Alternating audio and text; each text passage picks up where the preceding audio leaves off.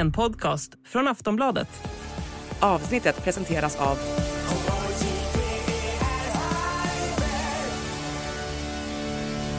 Stödlinjen.se, åldersgräns 18 år.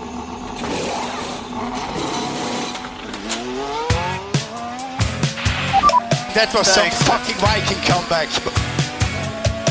Debris uh, behind. There's something strange with the engine. You picked up that. What the, what the? Yeah, what is this tractor? What is this tractor on track? Suck my balls, man. Get my claps and steering wheel. Steering wheel. Claps and steering wheel here. Hej och välkomna till Plattan i mattan avsnitt nummer 83 efter Qatars extremt fysiskt krävande Grand Prix-helg. Anna, kände du av att du var liksom fysiskt exhausted efter den här helgen med allt som hände i Qatar? Ja, men jag var nog det. Både fingrarna efter att ha kört en pekfingervals av eh, ja, Omas egentligen. Både fredag, två livepass, lördag och söndag. Ehm, och dels också i huvudet till slut när man gällde att hålla koll på allting. Eftersom vi återigen hade ett eh, track limits bonanza konstant. Vilket gjorde att man vid sidan av att hålla koll på däcken, som också var ett stort snackis den här helgen, också var tvungen att hålla koll på vem som hade bestraffningar fram och tillbaks. Så att jag är otroligt tacksam för de som stöttade mig under liven kan jag säga. För det var väldigt mycket skärmar på väldigt liten plats till slut. Ja, jag, jag gav upp. Jag lutade mig tillbaks, höll upp händerna i luften och så kände jag, det går inte. Track limits plus när alla måste byta däck, alla måste göra liksom minst tre depåstopp. Det, det gick liksom inte att hålla reda på. Extremt imponerande dock av produktionen som ändå gjorde det lättförståeligt när de la in liksom Max Verstappen måste byta däck, får inte köra mer än varv 42 på de här däcken eller något sånt. Det, då gick det liksom att hänga med i alla fall. Ja, men det var ju jättebra, men det hade de ju inte koll på på alla förarna samtidigt. Um, och jag kan ju tala om att jag fick ju frågor från mer än, mer än en förare. Det var inte så många som brydde sig om förstappen, kan jag säga, utan de hade ju helt andra favoriter. Och det vart lite uh, rörigt där. Uh, när man var tvungen att ha koll på alltihopa, såklart. Men uh, det som jag ja. tyckte var mest jobbigast över helgen eh, Eh, om man får säga så, det var ju det här med track limits. Och där det kändes som att vissa förare, eh, Sergio Perez, till slut inte ens brydde sig om. Det fanns liksom ingen idé att ens försöka och hålla sig på rätt sida, utan han bara mm, körde liksom. Ja, vi har ju pratat om track limits tidigare den här säsongen och vi kommer ju få göra det lite igen för det finns en och annan som eh, var över linjen eh, en och annan gång i Qatar. Det var en riktig, alltså kaosigaste helgen under hela den här F1-säsongen, va? Rakt igenom. Ja, men det med, kanske... allt som, med allt som hände. Ja, men det kanske man kan säga med tanke på att det var då problem med däcken. Alltså man upptäckte, Pirelli upptäckte under fredagen i sina analyser att det finns en ri risk att de inte kan garantera säkerheten med däcken. Och det där ställde ju till det.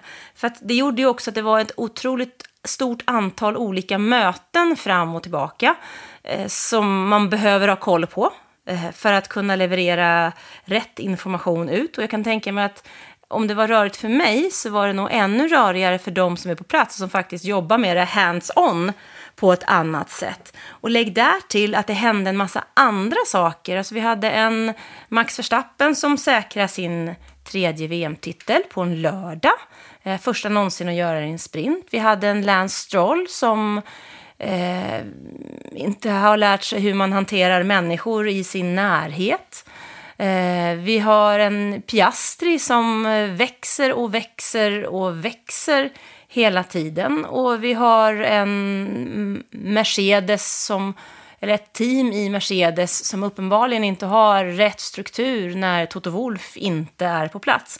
Så det var, var, så otroligt många ingredienser som drog in både från höger och vänster. Jo, så får vi inte glömma Valtteri Bottas heller som kör på fyra röda däck i kvalet redan på fredagen. Så man undrar vad, vad han hade fått i bastun liksom. Och ändå, ja, alltså det är ju så många grejer vi vill, man vill eh, liksom rycka tag i när du bollar upp de här trådarna. Man vill ju rycka i varenda en av dem. Så vi måste ju ta dem eh, eh, liksom bit för bit.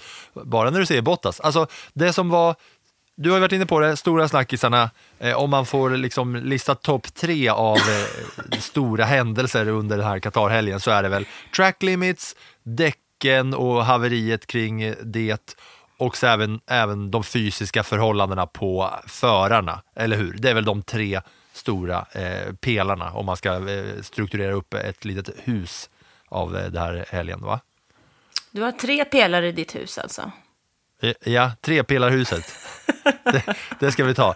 Och då bara när du säger Bottas så tänker jag ju, alltså, för det som var eh, snacket här var ju att det var så jäkla varmt och det var eh, så tufft för förarna med alla de här kurvorna i den här värmen. Men om det är någon som faktiskt borde vara bäst förberedd för att köra extremt varma race så borde det ju vara finske Bottas för att det var ju, många sa ju att det var som att köra i en bastu och då tänker man ju om det är någon som skulle klara av det, om det hade varit liksom Formel 1-mästerskapen 2023 sauna version så borde ju Bottas vara vinnaren av alla. Ja, men det kanske man ändå kan säga att han faktiskt var. För att han gör ju efter de förutsättningar som den där bilen, eh, Alfa Romeo alltså, ger honom. Det är ju, då han är, ligger ju i en otroligt svår situation när han kör med en bil som heter Alfa Romeo, men den är på väg att bli Audi och den har en motor från Ferrari. Alltså det är ju ingen styrning överhuvudtaget på det där Sauber-teamet just nu, för att Audi vill ju inte lyckas med en motor från Ferrari och Ferrari vill ju inte att Audi ska lyckas och Bottas sitter mitt i. Men han lyckas ju jätte, jättebra den här helgen. Något annat kan man ju inte säga. Han kör in fyra poäng, vilket är lika många poäng som han tog i premiären. Och det var ju liksom ett helt annat liv sedan. Mm. Innan vi, det har ju varit en sprinthelg va? och således fredag, lördag, söndag var det action alla tre dagar.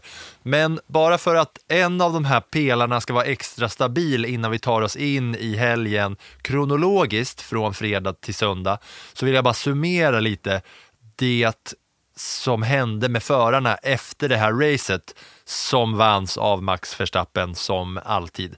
Men om man säger då så här att eh, lufttemperaturen var 32 grader i eh, Qatar. Lusail känner man igen från att eh, fotbolls-VM-finalen spelades på Lusail Stadium. Gissar jag, jag är inte 100% säker men jag tror att det var så. Men om man bara tar några, några namn här. Verstappen alltså, efter, eh, det här är alla förare efter racet. Verstappen sitter ner under prispallsintervjun och eh, i cooldown room. Piastri sitter ner under prispallsintervjun och ligger på golvet i cooldown room i återhämtningsrummet där man får se dem ettan, tvåan, trean. Landon Norris, ja, han var ju uppenbarligen immun mot den här värmen. Russell sa att det fanns eh, ögonblick när han trodde att han skulle svimma och att eh, det här var liksom eh, gränsfall för för mycket. Eh, Russell hade också uppe på raksträckorna så försökte han köra upp händerna. När han ligger på åttans växel i 300 blås försöker han hålla upp händerna ovanför ratten för att få luftflöde som ska skickas på hjälmen för att det är alldeles för varmt. Eh, Leclerc han sa att det var det fysiskt tuffaste loppet i hela sin karriär. Alonso han bad om att få vatten kastat på sig för att kyla ner honom. Eh, Ja, men- Ocon han kräktes i hjälmen eh, på varv 15. Du vill säga något om Alonso? Ja, men han hade ju sådana problem att han till och med fick eh, påkalla att hans skinkan höll på att bli grill, griljerad till och med när han körde, för att han hade, var så varm i ändan. Så att han måste Ja, ha haft fruktansvärt spansk. varmt där. Spansk chamon. Eh, Bottas han sa att det var tortyr. Eh, Stroll, han sa att han eh, hade liksom blurrig syn sista 25-30 varven och att han nästan svimmade då i de här höghastighetskurvorna. Fatta liksom flera G-krafter och du svängs i kurvan och så bara svimmar du mitt i allt eh, samtidigt som du ska köra. Albon han behövde hjälp att ta sig ut ur bilen efter loppet och behandlades för, att, för akut värmeexponering. Magnusen begärde att eh, Eh, han skulle ha eh, lövblåsare riktade mot sig, eh, alltså efteråt för att de skulle kylas ner. Logan Sargent, han, han pallade inte. Han gav upp på varv 40 för att han mådde inte tillräckligt bra för att köra bil och fick liksom, han höll ju på att stanna på banan när, de, när han eh, kom fram till att så här, nej jag pallar inte, jag måste stanna. Han stannade nästan på banan, han orkade knappt åka runt i depå när han hade väl hade bestämt sig. Eh, flera förare som öppnade sina visir under racet för att försöka få in luft där, men då möttes de ju bara av sand eftersom att det är ute i hela sandöken det där. Det var förarnas liksom fysiska reaktioner efter racet som var på söndagen. Men vi börjar ändå med kvalet på fredagen.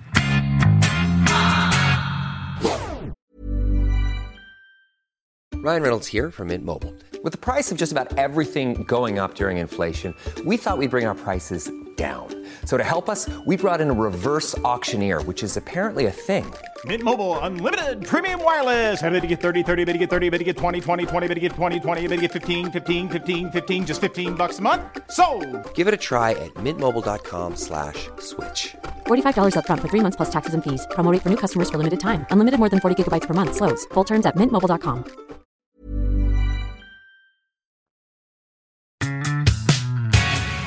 Ja, det gör vi. Och under fredagen så blåste det fortfarande en del.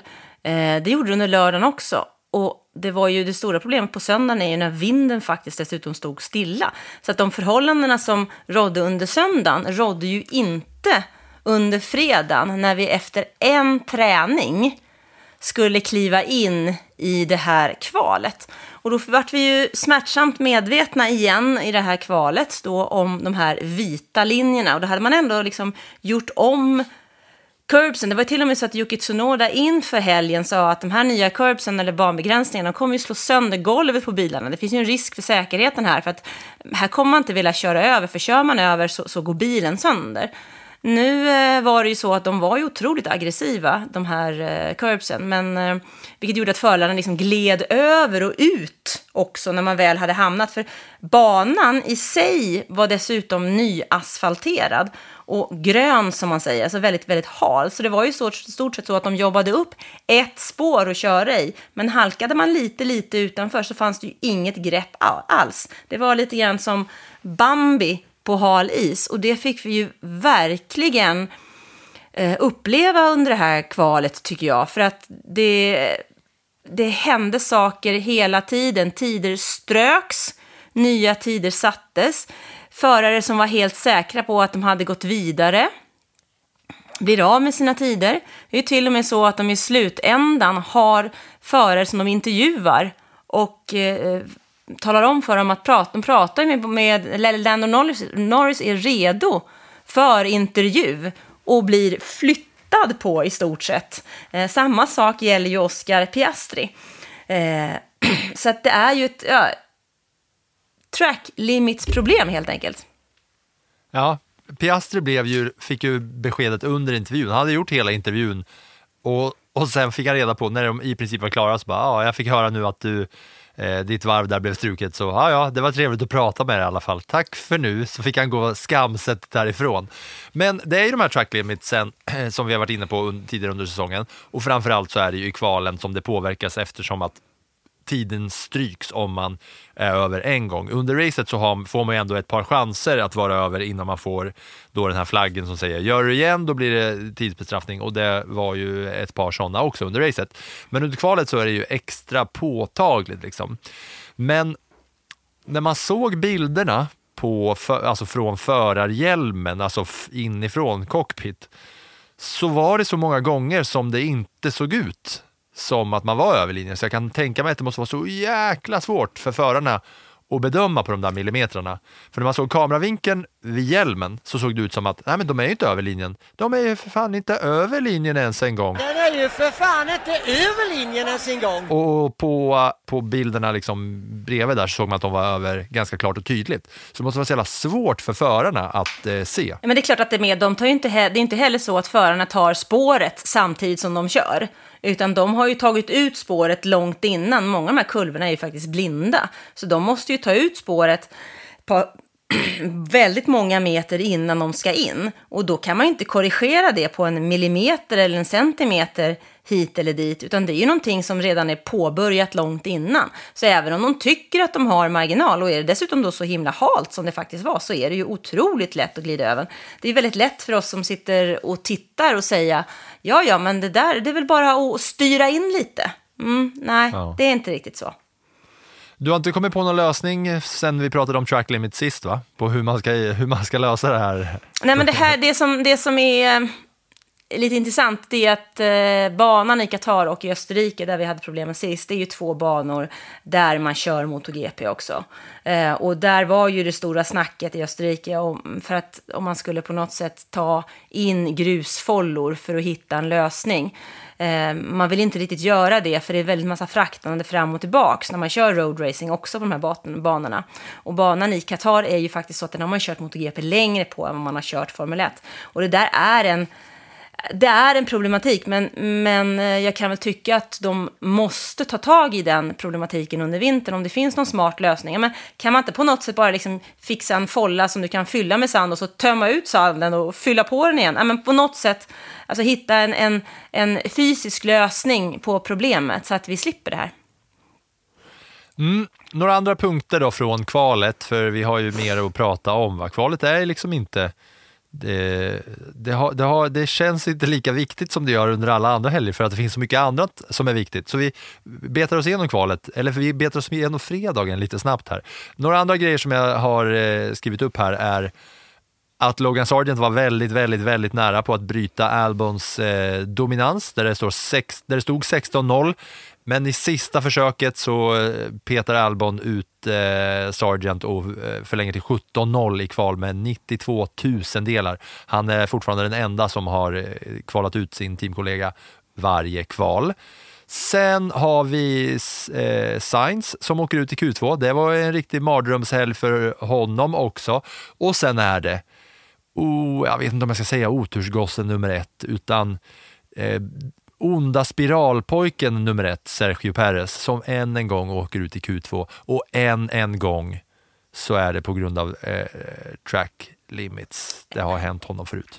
Ja, jag tycker att det är lite slarvigt alltså. Jag skrev en, en krönika, en analys här i helgen när man pra, pratade om just Max Verstappen och hans bil och skillnaden mm, mm med och mot Sergio Perez. Att tittar man på de två bilarna i McLaren till exempel, de är ju på ungefär samma nivå. Samma sak gäller ju exempelvis Mercedes. Men hos Red Bull är det ju faktiskt så att de har ju gått från att vara ett team som var hyfsat lika, men ju längre som eh, utvecklingen av bilen har skett under säsongen, ju större har gapet blivit. Och numera så känns det ju som att det är ett enbilsteam. Alltså det är Max Verstappen som gör skillnaden och sen är ju frågan om det är för att han jag tror att det är för att bilen passar honom betydligt bättre. Medan Sergio Perez får inte ordning på den här utvecklingen av bilen som har kommit. Plus att han dessutom upplever en enorm press. Han är ingen dålig förare, men han klarar inte av den mentala pressen som han ställs inför. Och han är ju inte den första föraren som har eh, eh, dukat under jämte Max Verstappen. Så jag vet inte om man kan kalla honom för otursgubbe, eller jag skulle snarare säga, jag vet inte, är spökgubbe kanske? Ja, jo, men exakt. Jag konstaterar ju att man ska nog inte kalla honom motorsgubbe för att det är ju inte otur eftersom att det händer på liknande sätt om och om igen. Och det är ju inte så att han gör det på dålig, alltså att han eh, misslyckas på grund av dålig eh, fart sett över ett varv, utan det är ju klanterier. Här är det ju track limits en gång till. Ju. Alltså han kör ju liksom snabbt, men det är att han eh, på flera gånger på samma ställen om och om igen inte, håller sig, inte liksom lär sig det han behöver lära sig och hålla sig på banan. Eh, Alltså han åkte ut i Q2 en gång till i alla fall. Och sen eh, största snackisen från fredagen då, Lance Stroll som puttar och bråkar med sin mekaniker och beter sig som vi har sagt många gånger, en liten snorunge. Alltså det, ja, men det är inte bara det att han bråkar med sin mekaniker, han kastar ratten. Alltså den ratt är ju värd typ 290-300 000 kronor och ratten, han slänger den så repar den lacken i bilen. Och sen så kom, går ju hans tränare efter honom, så ger han en riktig, det är inte en liten knuff liksom. Alltså det är en sån där putt som hade gett två minuters utvisning på handbollsplan. Eh, och där kan man vara med om både det ena och det andra. Att, eh, och sen går han, har han dessutom mage där, att gå därifrån rakt ut i tv-penn som han måste göra, annars får han en, en eh, bestraffning. Och han får tre frågor. Och alltså, jag, lyssna på det. Har du, har du hört den intervjun? Har du hört den intervjun frågar Anna och ni är då du för att ni får lyssna på den nu. Lance, we saw frustration from you on the TV screens. This obviously means so much to you. What are your emotions right now? Yeah. Okay. Um, sorry for the language there. Uh, what is not clicking for you behind the wheel at the moment? I don't know. And how does this change your mindset for the weekend? Is it now a test session? Are you going to go for it in the sprint? Keep driving. Ja, det är ju, det är ju the sound of a snorunge, helt enkelt. Alltså jag blir riktigt, jag, jag blir riktigt upprörd. Och det som är lite problematik, alltså hade hans pappa inte ägt teamet så hade han ju aldrig suttit kvar i bilen till nästa år. Han har inte tagit någon poäng överhuvudtaget efter eh, sommaruppehållet. Väl? Han tog de sista i Belgien och det var ju faktiskt innan sommaruppehållet. Samtidigt så har hans kollega kört in poäng på poäng på poäng. Och tittar vi i sammandraget så ligger Stroll kvar där på tionde plats med sina 47 poäng. Men Fernando Alonso är fyra med 183 och är med och nosar där uppe. Alonso har ju tagit poäng i alla lopp utom i ett i år. Och det är sån utklassning. Så att det är nästan så att man börjar fundera när ryktena nu kommer om att pappa Stroll kanske vill sälja det där teamet, om det har någonting att göra med att han kanske inser att hans son kommer ju aldrig att lyckas med någonting annat än att skapa rubriker som man faktiskt inte vill ha. Och så här är det med eh, Lance Stroll. I början var ju Aston Martin-bilen väldigt, väldigt mycket bättre än många andra. Den kunde liksom eh, tävla med Red Bull. Alonso var många gånger eh, så högt upp man kunde komma i, liksom på podiet. Så de här poängen tog ju Stroll i början. Men annars om man kollar nu från slutet, alltså Qatar 11, Japan, retired. Eh, Singapore blev det ju inget. Eh, Italiens GP 16, Nederländerna 11, Belgien 9, Ungern 10, Storbritannien 14. Samtidigt som Alonso har hängt betydligt högre upp. va? Mm. Så det går ju inte åt rätt håll, men framför allt så var det så många, det var så tydligt just det med snorungeriet att var dålig, åk ut direkt, putta på mekanikern, kasta ratten på bilen och sen var en surpuppa i intervju. Det var liksom en, en, en, ett långt snöre av snorungeri. Ja, nej, alltså... Han, han hämtade ju hem det lite grann sen när han satt i intervjuer eh, på lördagen och söndagen. Men det är fortfarande så att man... Det känns inte som att han är där av rätt anledning. Tror du att det spelar någon roll att det här hände? För hans framtid i teamet? Jag tror ju att eh, det blir jobbigare och jobbigare och jobbigare för ägaren att tala om varför hans son ska sitta i bilen. För att det är ju faktiskt så att i slutändan så måste ju de, precis som alla andra team, ha två förare som levererar poäng. Det är ju ingen skillnad på Red Bull egentligen, eller Aston Martin. Alla team måste ha två förare som levererar poäng. Och har man då en sån bra poäng, eller en sån bra bil, så att en förare klarar av att ta 180 poäng eller mer, så måste man väl ta med 17 ha en andra förare som i alla fall ligger på 150. Ja, och jag tänker framförallt så här att även om det är så att det spelar absolut ingen roll för pappa Stroll hur det går för eh, Lance Stroll, rent ekonomiskt och sådär, att eh, han, det, det, så här, det kan vara en minusaffär för honom hur mycket som helst. Men det finns så många andra som arbetar inom det här teamet som är tävlingsmänniskor som blir då illa behandlade med att de inte ges möjligheten att utmana och vinna på grund av Lance Stroll. Vi måste vidare till eh, lördagen och sprint shootouten. Stroll, Stroll eh, börjar också bli en repig gammal skiva va? Ja, men det är så. Men den, den tankegången du har där, det är ju faktiskt så att de har fjolårets Formel 2-mästare, Filipe Drugovic, på avbytarbänken. Och hur länge ska de kunna motivera honom att sitta där innan det är något annat team som snor honom? Och den dagen Alonso då lägger av så har de ingenting. Ja. Då har de liksom Lance Stroll och eh, jag vet inte. Nej, Nej, det får vi följa det där, men alltså det var ju nytt rekord i snorungeri i alla fall. Men nu hoppar vi till lördagen och på lördagen så är det först en sprint shootout och sen är det en sprint. Och det första som hände på sprint shootouten, det tyckte jag var så himla roligt innan det drog igång. För det var ett liksom Qatar-knep. Och man är ju van vid att under såna här stora sportevenemang så brukar de alltid avsluta då eh, när det är så stora öppningsceremonier. Typisk grej är ju USA och Super Bowl och stora liksom finaler. Eh, sådär. De har gjort under F1 också. Att det kommer en flyover med militärens stridsflyg för att visa upp landets eh, upp, optimala makt. De gör ju på lite olika sätt. Liksom. Eh, Singapore, de hade ju Singapore Airlines Cabin Crew som sjöng nationalsången. Men eh, ofta är det så att det kommer liksom snabba eh, stridsflygplanen flyger över. Men här var det ett nytt knep som Qatar körde med. De landade ett passagerarplan från Qatar Airways bredvid innan sprint-shootouten skulle börja. Så man är så van att se en flyover av stridsflyg. Men Qatar körde ett stort Qatar Airways passagerarplan och det tyckte jag var skitkul. Nu till racingen. Vi har Båda McLaren bil... Ja, vad säger du vad du vill säga? Ja, så att vi har lite olika saker som vi tycker är skitkul, börjar jag notera. Ja, och det tror jag säkert våra lyssnare har noterat också. Att jag vet inte hur många gånger som du har velat leda in oss på snack om nationalsång och introduktion, utan det har ju jag tvingat dig att, att hänga med i. Så så är det och jag skiter i om någon annan tycker det är kul. Jag tyckte i alla fall att det var, jag garvade så jävla högt. Lika mycket som jag garvade när Singapore slängde in Singapore Airlines Cabin Crew performing the national anthem. Lika mycket så garvar jag nu att Qatars knep att köra ett passagerarplan med Qatar Airways eh, som flyover. Det tyckte jag var roligt. Nu till racingen. Båda McLaren-bilarna slår Max Verstappen i shootouten till sprinten. Ja.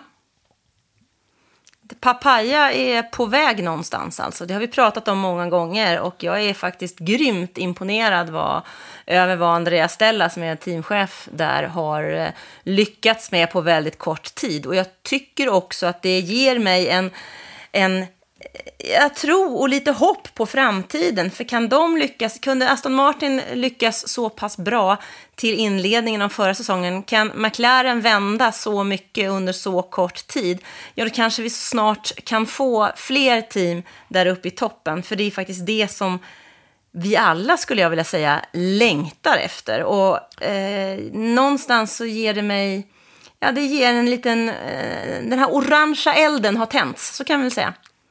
Mm, det håller jag verkligen med om. Sprint-shootouten eh, slutade med Piastri på pole, Norris tvåa, Verstappen trea, Russell fyra, Sainz femma, Leclerc sexa, Hylken sjua före Sergio Perez som bara blir åtta. Och det är ju samma sak där igen. Men det var ju sprint-shootouten som alltså är ett kval till sprinten och en sprint där det delades ut poäng och poäng som ledde till att världsmästaren Max Verstappen korades.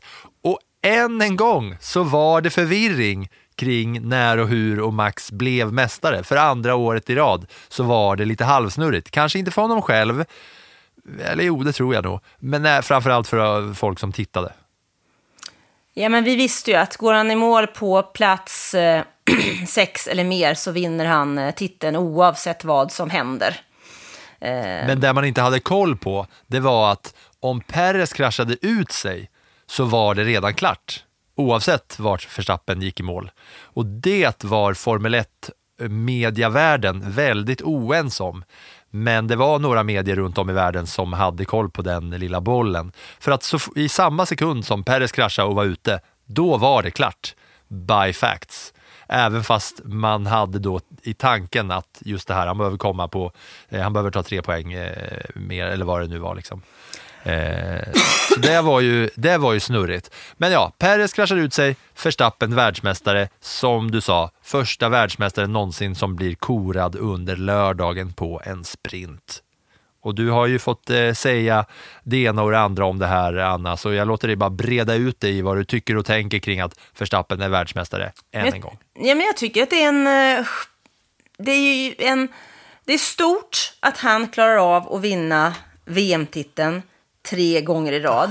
Den största av hans bedrifter tycker jag nog ändå är det första året när han vinner den 2021, när han petar ner Mercedes från tronen. De här andra två åren så har han haft hjälp av att Red Bull har varit så pass överlägsen och de andra inte alls har levererat på den nivå som de faktiskt bör och ska kunna leverera. Den säsongen som Max Verstappen och Red Bull har gjort i år är ju väldigt, väldigt imponerande och han är ju lite som en maskin. Han är ju ändå uppfostrad till att bli världsmästare och det är liksom, på något sätt så känns som att det är hans syfte här i livet. Det är att bli världsmästare, vinna race och ta poäng. Så att jag tror att han kommer ju att fortsätta med det så länge han, han tycker att det är roligt och han ser eh, vinster i att göra det på något sätt. Han... Eh, jag har svårt att tänka mig honom som en förare som åker med när han inte har roligt längre. Utan han behöver, han, han triggas ju av någonting som gör att han vill vara bäst. Och det kommer han att fortsätta med ja, fram till den dagen när han upptäcker att herregud, hela min tonårstid gick åt att köra bil. Vad ska jag göra nu då? Ja, eh, exakt så va. Ehm, och han vinner ju då som sagt på en lördag. Det är väl inte så mycket att säga. Det är ju ingen bedrift i sig. Det är ju mer en tillfällighet att det, att det råkar bli så att eh, just det här så var det sprintrace och det var nu det var dags för honom att bli eh, World Champion. Men han vinner inte racet. Nej, men det gör han ju inte, utan det är Oscar Piastri som vinner det racet och det tycker jag nästan är roligare med det sprintracet, att han får ta sin första seger. Nu är det ju ingen GP-seger, men han tar ju sin första seger och blir ju då som rookie en vinnare, något som jag kan tänka mig att hans kollega Landon Norris inte tycker är sådär jätteroligt. För han hade nog gärna velat vara den första McLaren-föraren um, att vinna den där orangea bilen. Han kunde ju se på när Daniel Ricciardo gjorde det som teamkompis till honom också. Och nu får han stå vid sidan av en gång till. Så det tror jag sitter lite hårt hos honom, måste jag säga. Mm. Och eh, framför allt då liksom Lando Norris som toppar statistiken som man inte riktigt vill toppa. Att han är den förare som har tagit flest F1-poäng utan att ha vunnit ett race. Det har, vi, det har jag pratat om eh, många gånger här tidigare. Eh, men alltså Piastri versus Norris, det är ju en eh, fight som eh, blir mer och mer intressant ju längre in på säsongen vi kommer. För att McLaren kommer ju fortsätta vara up there. Men vem eh, kommer liksom stå högst i den här interna kampen? Det är ju intressant va? Det är otroligt intressant eh, att följa den kampen och framförallt följa hur teamet klarar av att hantera att ha två så unga förare med så mycket vilja. Alltså klarar man av att styra den här fighten mellan de två? För det är ju så här i Formel 1, jag har ju sagt det hundra gånger, men jag kan säga det igen. Att den enda föraren som du verkligen behöver slå, det är din teamkompis. För det är den enda föraren som har exakt samma material.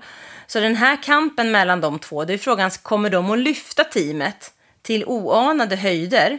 Eller kommer vi att hamna i ett läge där vi får stallkrig? Alltså vi minns Mercedes med Rosberg och eh, Hamilton. Vi minns också Red Bull med eh, Sebastian Vettel och Mark Webber. Och just Webber är ju faktiskt eh, manager till Oscar Piastri.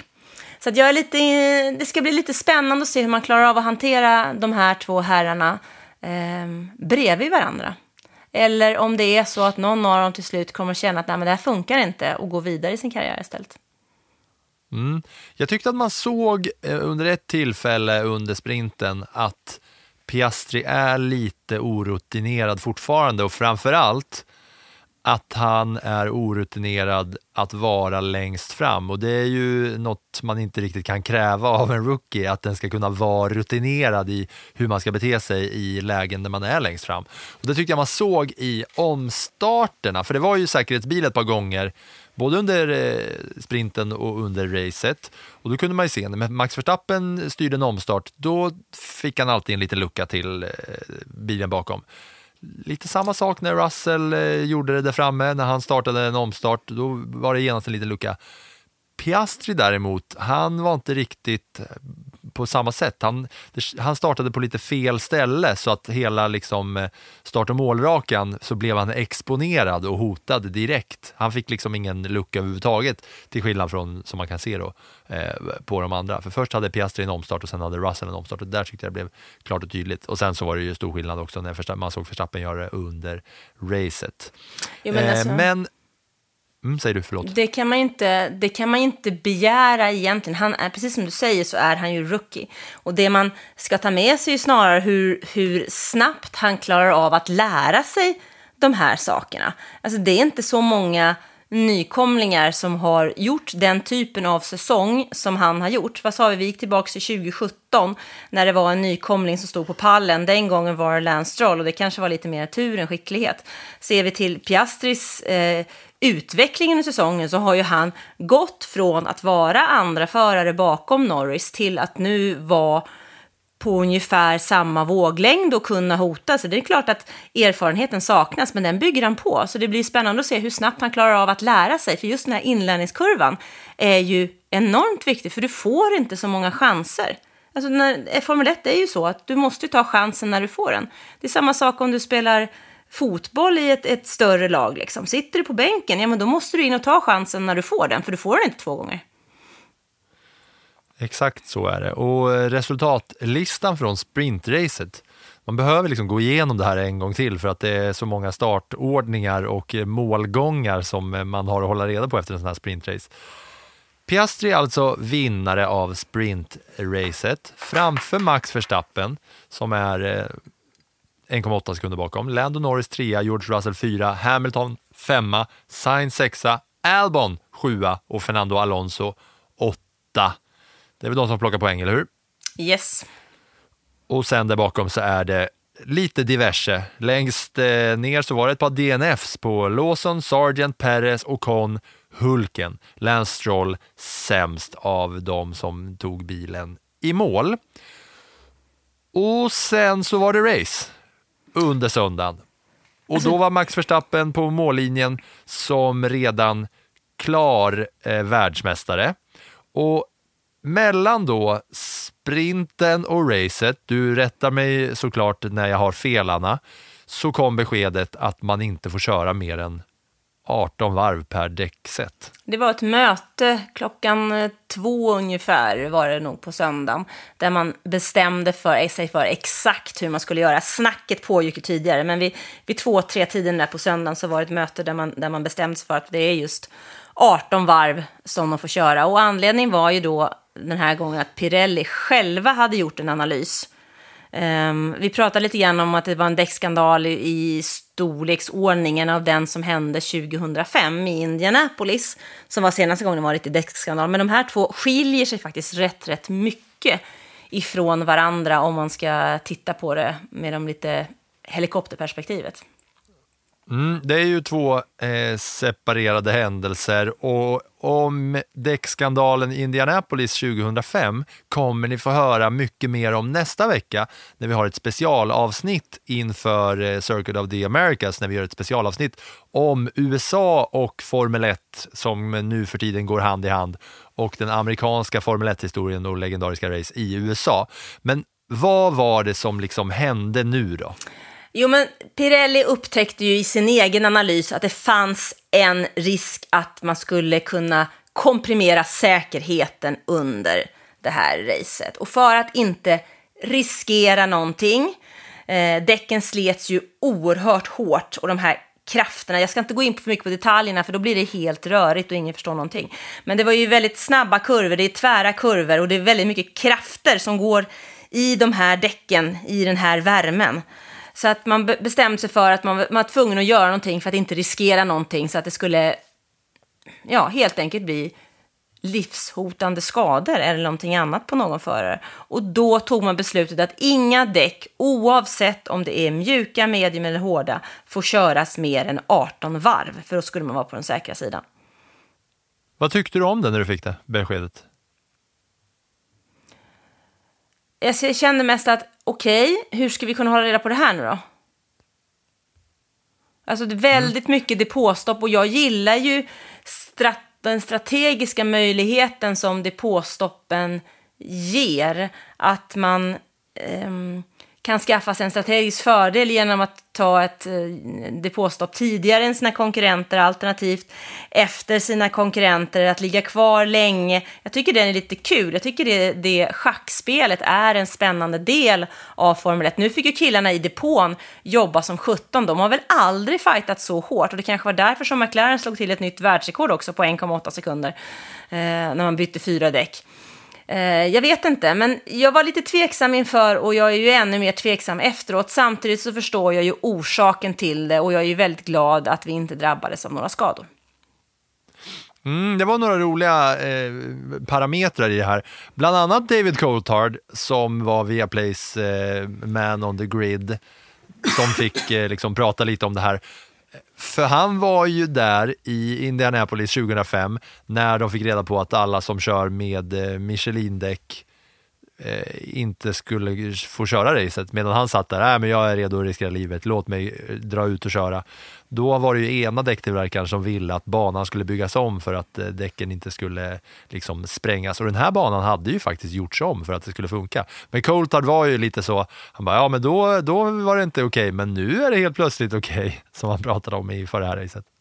Ja, men vi får väl tycka att världen har väl flyttat, har väl hänt lite grann i världen också sedan 2005. Och det som man ska ha med sig, även om vi ska prata om det där till nästa vecka då, så ska man ändå veta att den gången, 2005, så var det två däckleverantörer. Det var Bridgestone och det var Michelin. Och Michelin hade inte med sig däck helt enkelt som höll, utan där råkade man ut för en, en olycka redan under fredagen och så såg man att det var problem med andra däck och det blev en förhandling mellan Fia Michelin och Ferrari som då körde med Bridgestone. Och Ferrari vill ju inte ha ändringar och Fia vill inte heller ha ändringar, för vad händer om man ändrar på banan? Och så vidare, vilket ledde till att eh, typ sex bilar körde racet och Thiago Monteiro från Portugal tog en pallplats i en Jordan och det var en jätteskandal. Eh, men den här gången så är det ju en försiktighetsåtgärd på ett annat sätt. Det hände ju aldrig någonting, men Pirelli insåg att det möjligen skulle kunna hända någonting och man vill inte riskera det. Och det hade man väl kanske hoppats att man hade kunnat gjort redan 2005 och där hittat en annan lösning istället för att ha ett sånt race som var ett kalkonrace. Men borde man inte kunna ha, ha liksom kommit på det här innan? Eh, alltså, innan man är där på söndagen helt plötsligt. Att bara, just det, fan jag glömde bort en grej. Det är ju varmt i Qatar hörni. Visste ni att det är varmt i Qatar? Och däck blir ju varma, varma när man kör dem på en racingbana i 32 graders värme. Att ingen liksom har tänkt den tanken innan. Jo, men de har väl tänkt en tanke, men de har inte kunnat klara av det. är ändå så att man simulerar ju saker och ting. Och de, i de här, det, vi vet ju hur ofta det blir fel i vindtunneln. Att inte den ger samma resultat som vad saker och ting gör på banan, det har vi ju frågat Ferrari. Det händer ju typ stup i kvarten. Så det där händer ju. Och här hade det kanske snarare varit så att man till nästa år då behöver genomföra ytterligare ett test, någon form av däcktest på banan för att se att saker och ting håller. Ehm, så att jag kan väl tycka, å ena sidan så det var det faktiskt bra att Pirelli insåg detta under fredagen, så vi slapp några tråkiga skador, för det hade kunnat bli förödande. Ja, eh, så är det. Och det här ledde ju till att det var mayhem i depån med däckstopp, eh, med däckbyten hela tiden. Det var alltid någon inne i depån för, och alla gjorde, skulle göra minst tre depåstopp. Max 18 varv fick man köra och då var det ju så att föraren kände ju att ja, men vi har kontroll på däcken här. Men oavsett så var man tvungen att, att kötta in i depån och byta däck. Och det var stor skillnad på däcken beroende på vart man befann sig i eh, däckfönstret, hur de var på banan. Det var ju en typisk sån grej som eh, Piastri fick eh, höra liksom, när han märkte att de som körde softs Eh, nu är vi på, tillbaka på sprinten, att han märkte att de som körde soft var så mycket snabbare, men teamet fick, liksom, fick liksom lugna honom och säga bara Ta det lugnt Oskar, kör nu för att medium kommer komma tillbaka. Du var så lugn, eh, det kommer bli stor skillnad, och vilket det också blev sen. Eh, Okej, okay, men då har vi i alla fall fått uppleva ett eh, minidäckfiasko eh, den här säsongen där Pirelli går in och styr med hela handen i alla fall. Sen har vi de här uh, fysiska reaktionerna på det extremt eh, varma vädret Men de har vi och tagit. upplevelsen. Det är väl ja, ja, ja, men eh, jag tänker att det är några grejer som man vill bara eh, liksom peta på igen. Till exempel att Ocon spydde i sin hjälm. Ja. Alltså tänk att åka, du vet, man åker ju, när man åker framåt så skulle man, alltså spottar man i luften när man är ut ur bilen när man åker framåt så flyger ju liksom spottloskan bakåt. För att då sitter du och så spyr du hjälmen. Du åker ju in i din egen spya. Mm, han spydde i, i, två, i två varv dessutom. Tror du det luktar gott om man öppnade upp den här hjälmen och stack in nosen och luktade? Nej. Nej, det var alltså otroligt. Det var ju så tydligt efter också när man såg folk gå ut ur sina bilar, liksom hur de stannade till innan de eh, vacklade vidare. Ju vissa, Norris sa ju att det var vissa som hade, förare som hade svimmat i det medicinska eh, centret. Och Lance Stroll, när han gick ut, han satt ju stilla på sitt Halo en stund innan han liksom stapplade bort mot eh, en ambulansbil eh, som stod där och väntade. Han skulle liksom gå in till en, eh, eller gå till förarrutan där, där fönstret var nervevat, men han liksom snubblade ju in i det där och, och hängde på det. Vi kan lyssna på vad Lance Stroll sa om det fysiska läget efter racet. Everything goes blurry, you know. I mean, the last 25-30 laps, it's just blurry in the high-speed corners, blood pressure dropping and just passing out basically in the car in the high-speed corners with high G-forces. And then the curbs now are painted because they were worried about punctures with these high loaded G-force corners and the tires. They painted the curbs to make the track even narrower.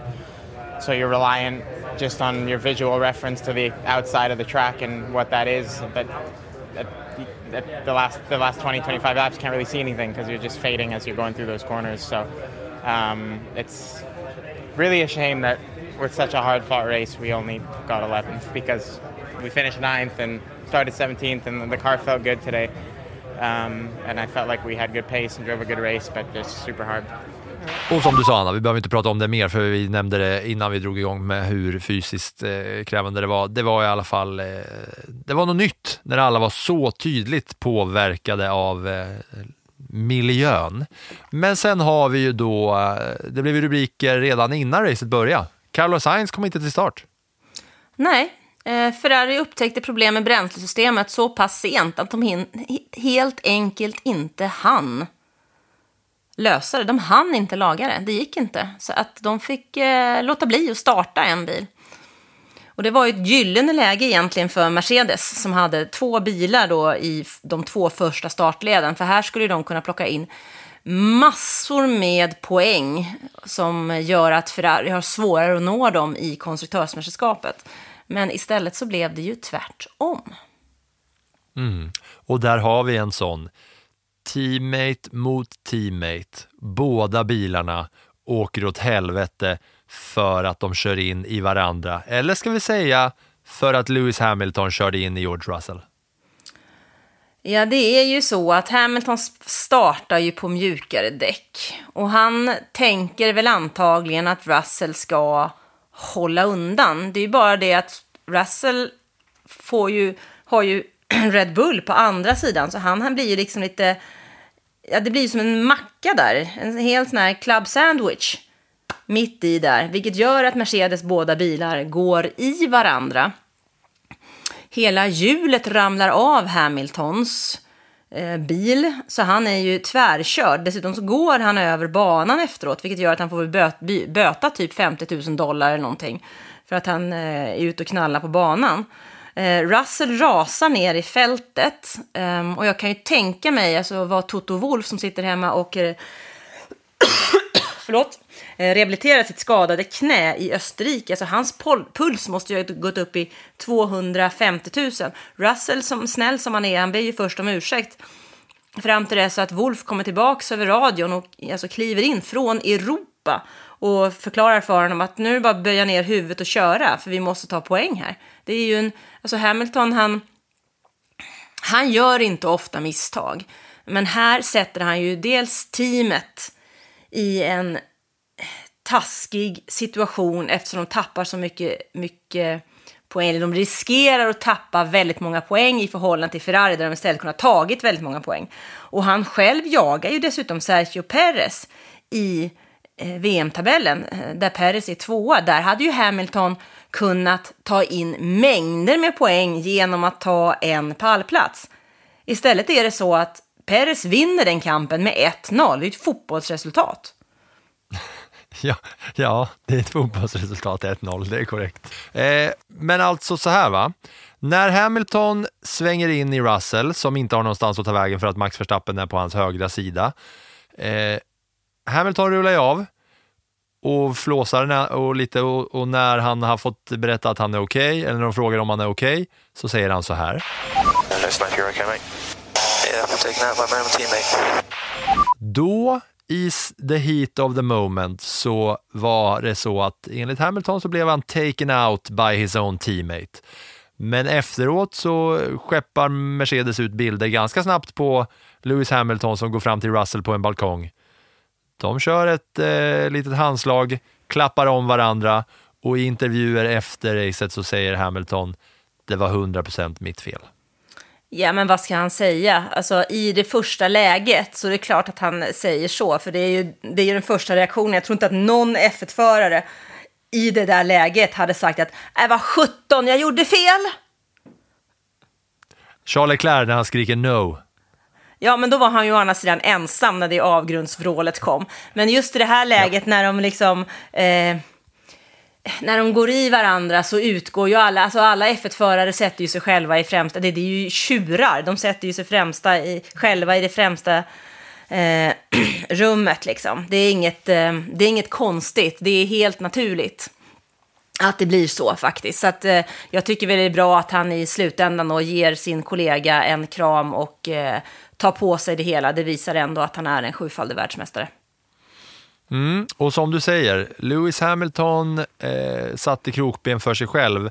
För att efter Perez kommer tia i det här racet så tar han en poäng, vilket gör att han är 30 poäng före Hamilton. Och Hamilton med den startpositionen som han hade och en i alla fall bil som kunde köra bra, det såg man ju för att Russell var ju i princip out där också efter den där kraschen. Han var ju, han var ju sist men kom med fyra till slut i det här racet och kör in eh, 12 poäng. Så man kan ju tänka sig att hade Hamilton hållit sig på banan och plockat en eh, ja, 10 poäng eller liknande så hade han knappat in på Perez och sen hade han haft möjligheten att gå om Perez.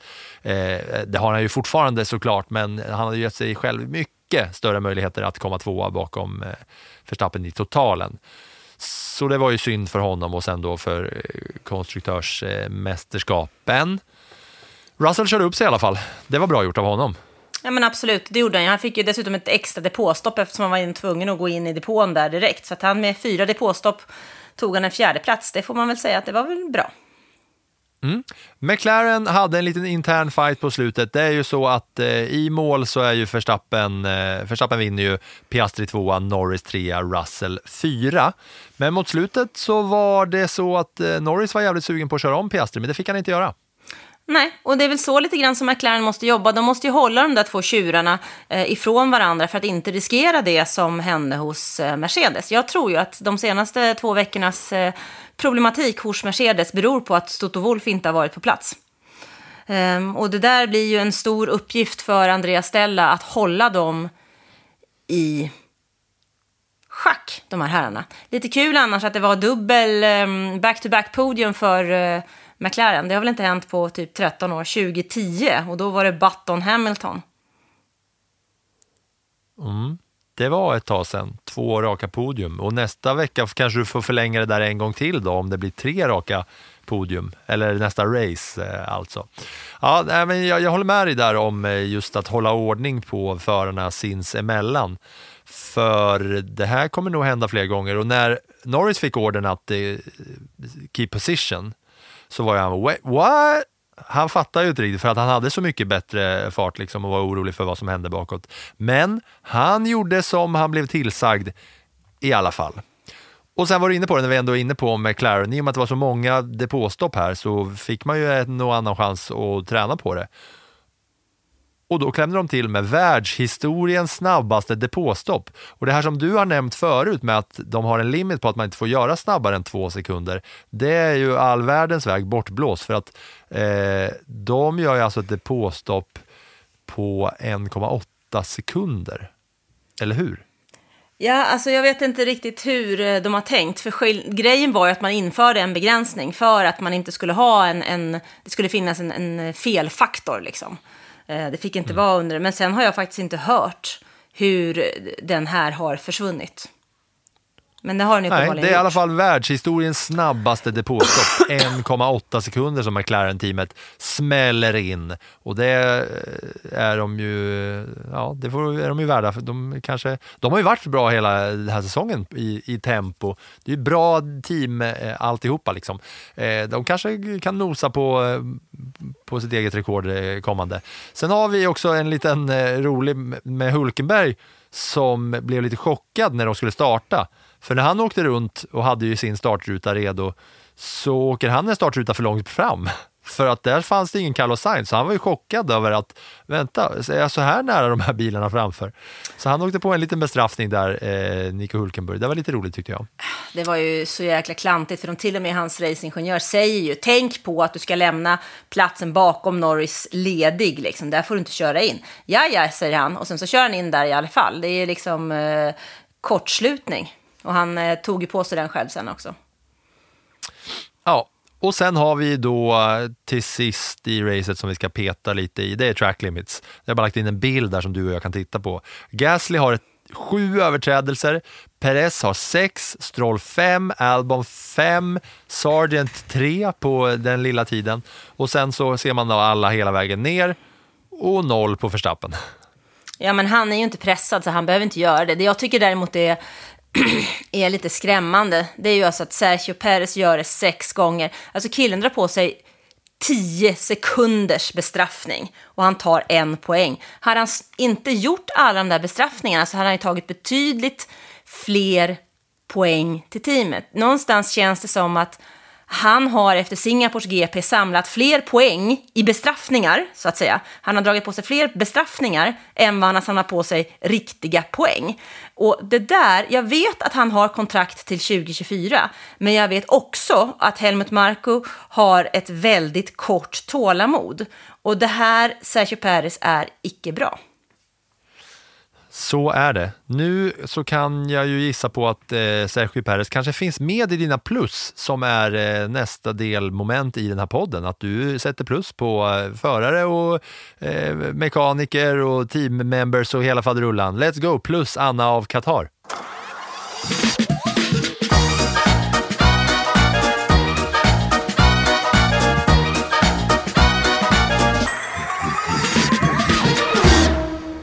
Yes, vi börjar med motorstoppet och det går ju till Lance Stroll. Alltså man kan inte bete sig på det sättet som han gör, punkt. Ett plus går ju till Sergio Perez, för vad hjälper det snabbaste varvet när du kör in en 10 sekunders bestraffning? Han går ju minus på minus på minus. Alltså det spelar ingen roll hur snabbt han försöker, försöker köra, för att jaga inte en poäng som du ändå inte har någon hjälp av. Eh, två plus Alfa Romeo, de tar alltså sex poäng, vilket är årets bästa notering för dem och rycker lite ifrån Haas i totalen. De är åtta och nia. Bottas åtta, eh, Gianni Joe nia och han är nia på grund av att Perez får 10, 10 sekunders eh, bestraffning. Eh, Oscar Piastri får en trea här, för att han tar den första av många segrar. Fyra plus går till Max Verstappen, därför att jag sätter femplussan på Andreas Stella och den comeback som McLaren har gjort under hans ledning. Uppfriskande med någon annan där uppe på femplussan trots att Max Verstappen den här helgen gick och blev världsmästare. Det är kul, det gillar jag att se.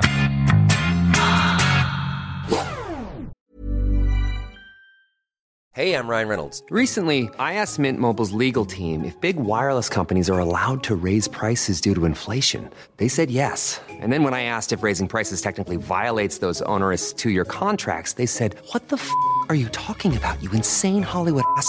F- So to recap, we're cutting the price of Mint Unlimited from $30 a month to just $15 a month. Give it a try at mintmobile.com slash switch. $45 upfront for three months plus taxes and fees. Promo rate for new customers for limited time. Unlimited more than 40 gigabytes per month. Slows. Full terms at mintmobile.com.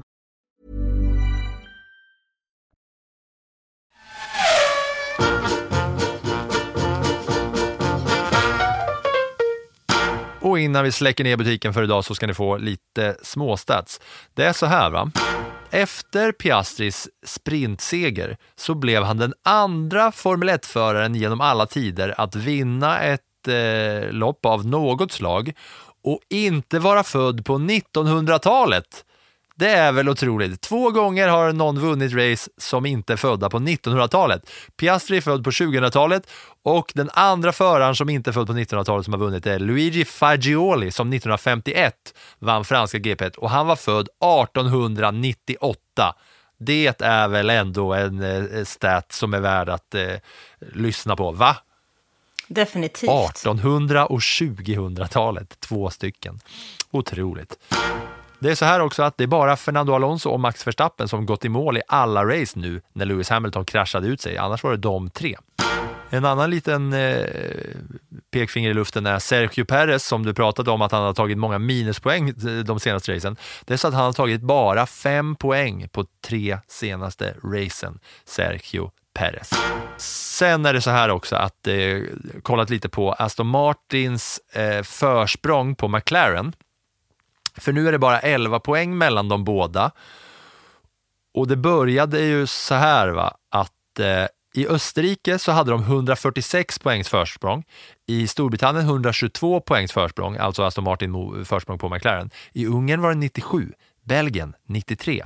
Sen gick det upp lite igen efter Nederländerna, Italien 104-102. Singapore 78 poängs försprång. Japan 49 poängs försprång. Och nu bara 11 poängs försprång.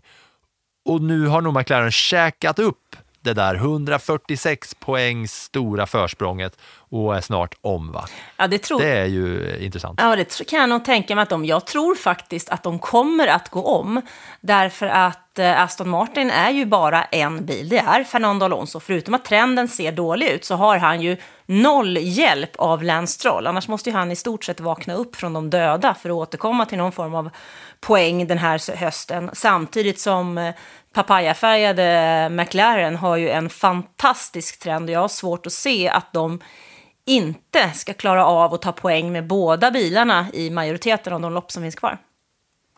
Ja, och ett av de lopp som finns kvar är Circuit of the Americas som inte är kommande helg utan helgen efter. Så vi släpper er utan en preview av eh, det racet för det kommer ni få nästa vecka när det blir ett helt USA-special. Och det tyckte jag var intressant och då kommer ni bland annat få höra mycket mer om däckskandalen på Indianapolis Motor Speedway 2005 som av en då händelse man slängdes tillbaka till här i Qatar, vilket var intressant. Så inte ett ord om USA förrän nästa vecka. Har du någonting mer som du vill eh, ta med dig från Qatar, Anna? Nu känner jag att jag blev tyst, för hela den där helgen lakade ur både min kropp och min själ. Jo, jag vill säga att det var ett fantastiskt härligt driv och fart på liven den här, eh, det här veckoslutet. Otroligt mycket folk som var inne och var engagerade, vilket var jätte, jätteroligt. Så jag hoppas att eh, det kommer att vara full fart även de kommande helgerna, även om det är lite knasiga tider och mästerskapet är avgjort. Vi säger tack genom att Anna tackar läsarna och jag tackar lyssnarna av Plattan i mattan så hörs vi igen nästa vecka så mår ni alla så bra som ni bara kan fram tills dess. Tack och adjö. Tack och adjö. That was some fucking Viking comeback. Debris uh, behind. There's something strange with the engine. I need a new pet after that. What the, what the? Yeah, what is this tractor? What is this tractor on track? Set my bolts in. Get my claps and steering wheel. Steering wheel. Claps and steering wheel here.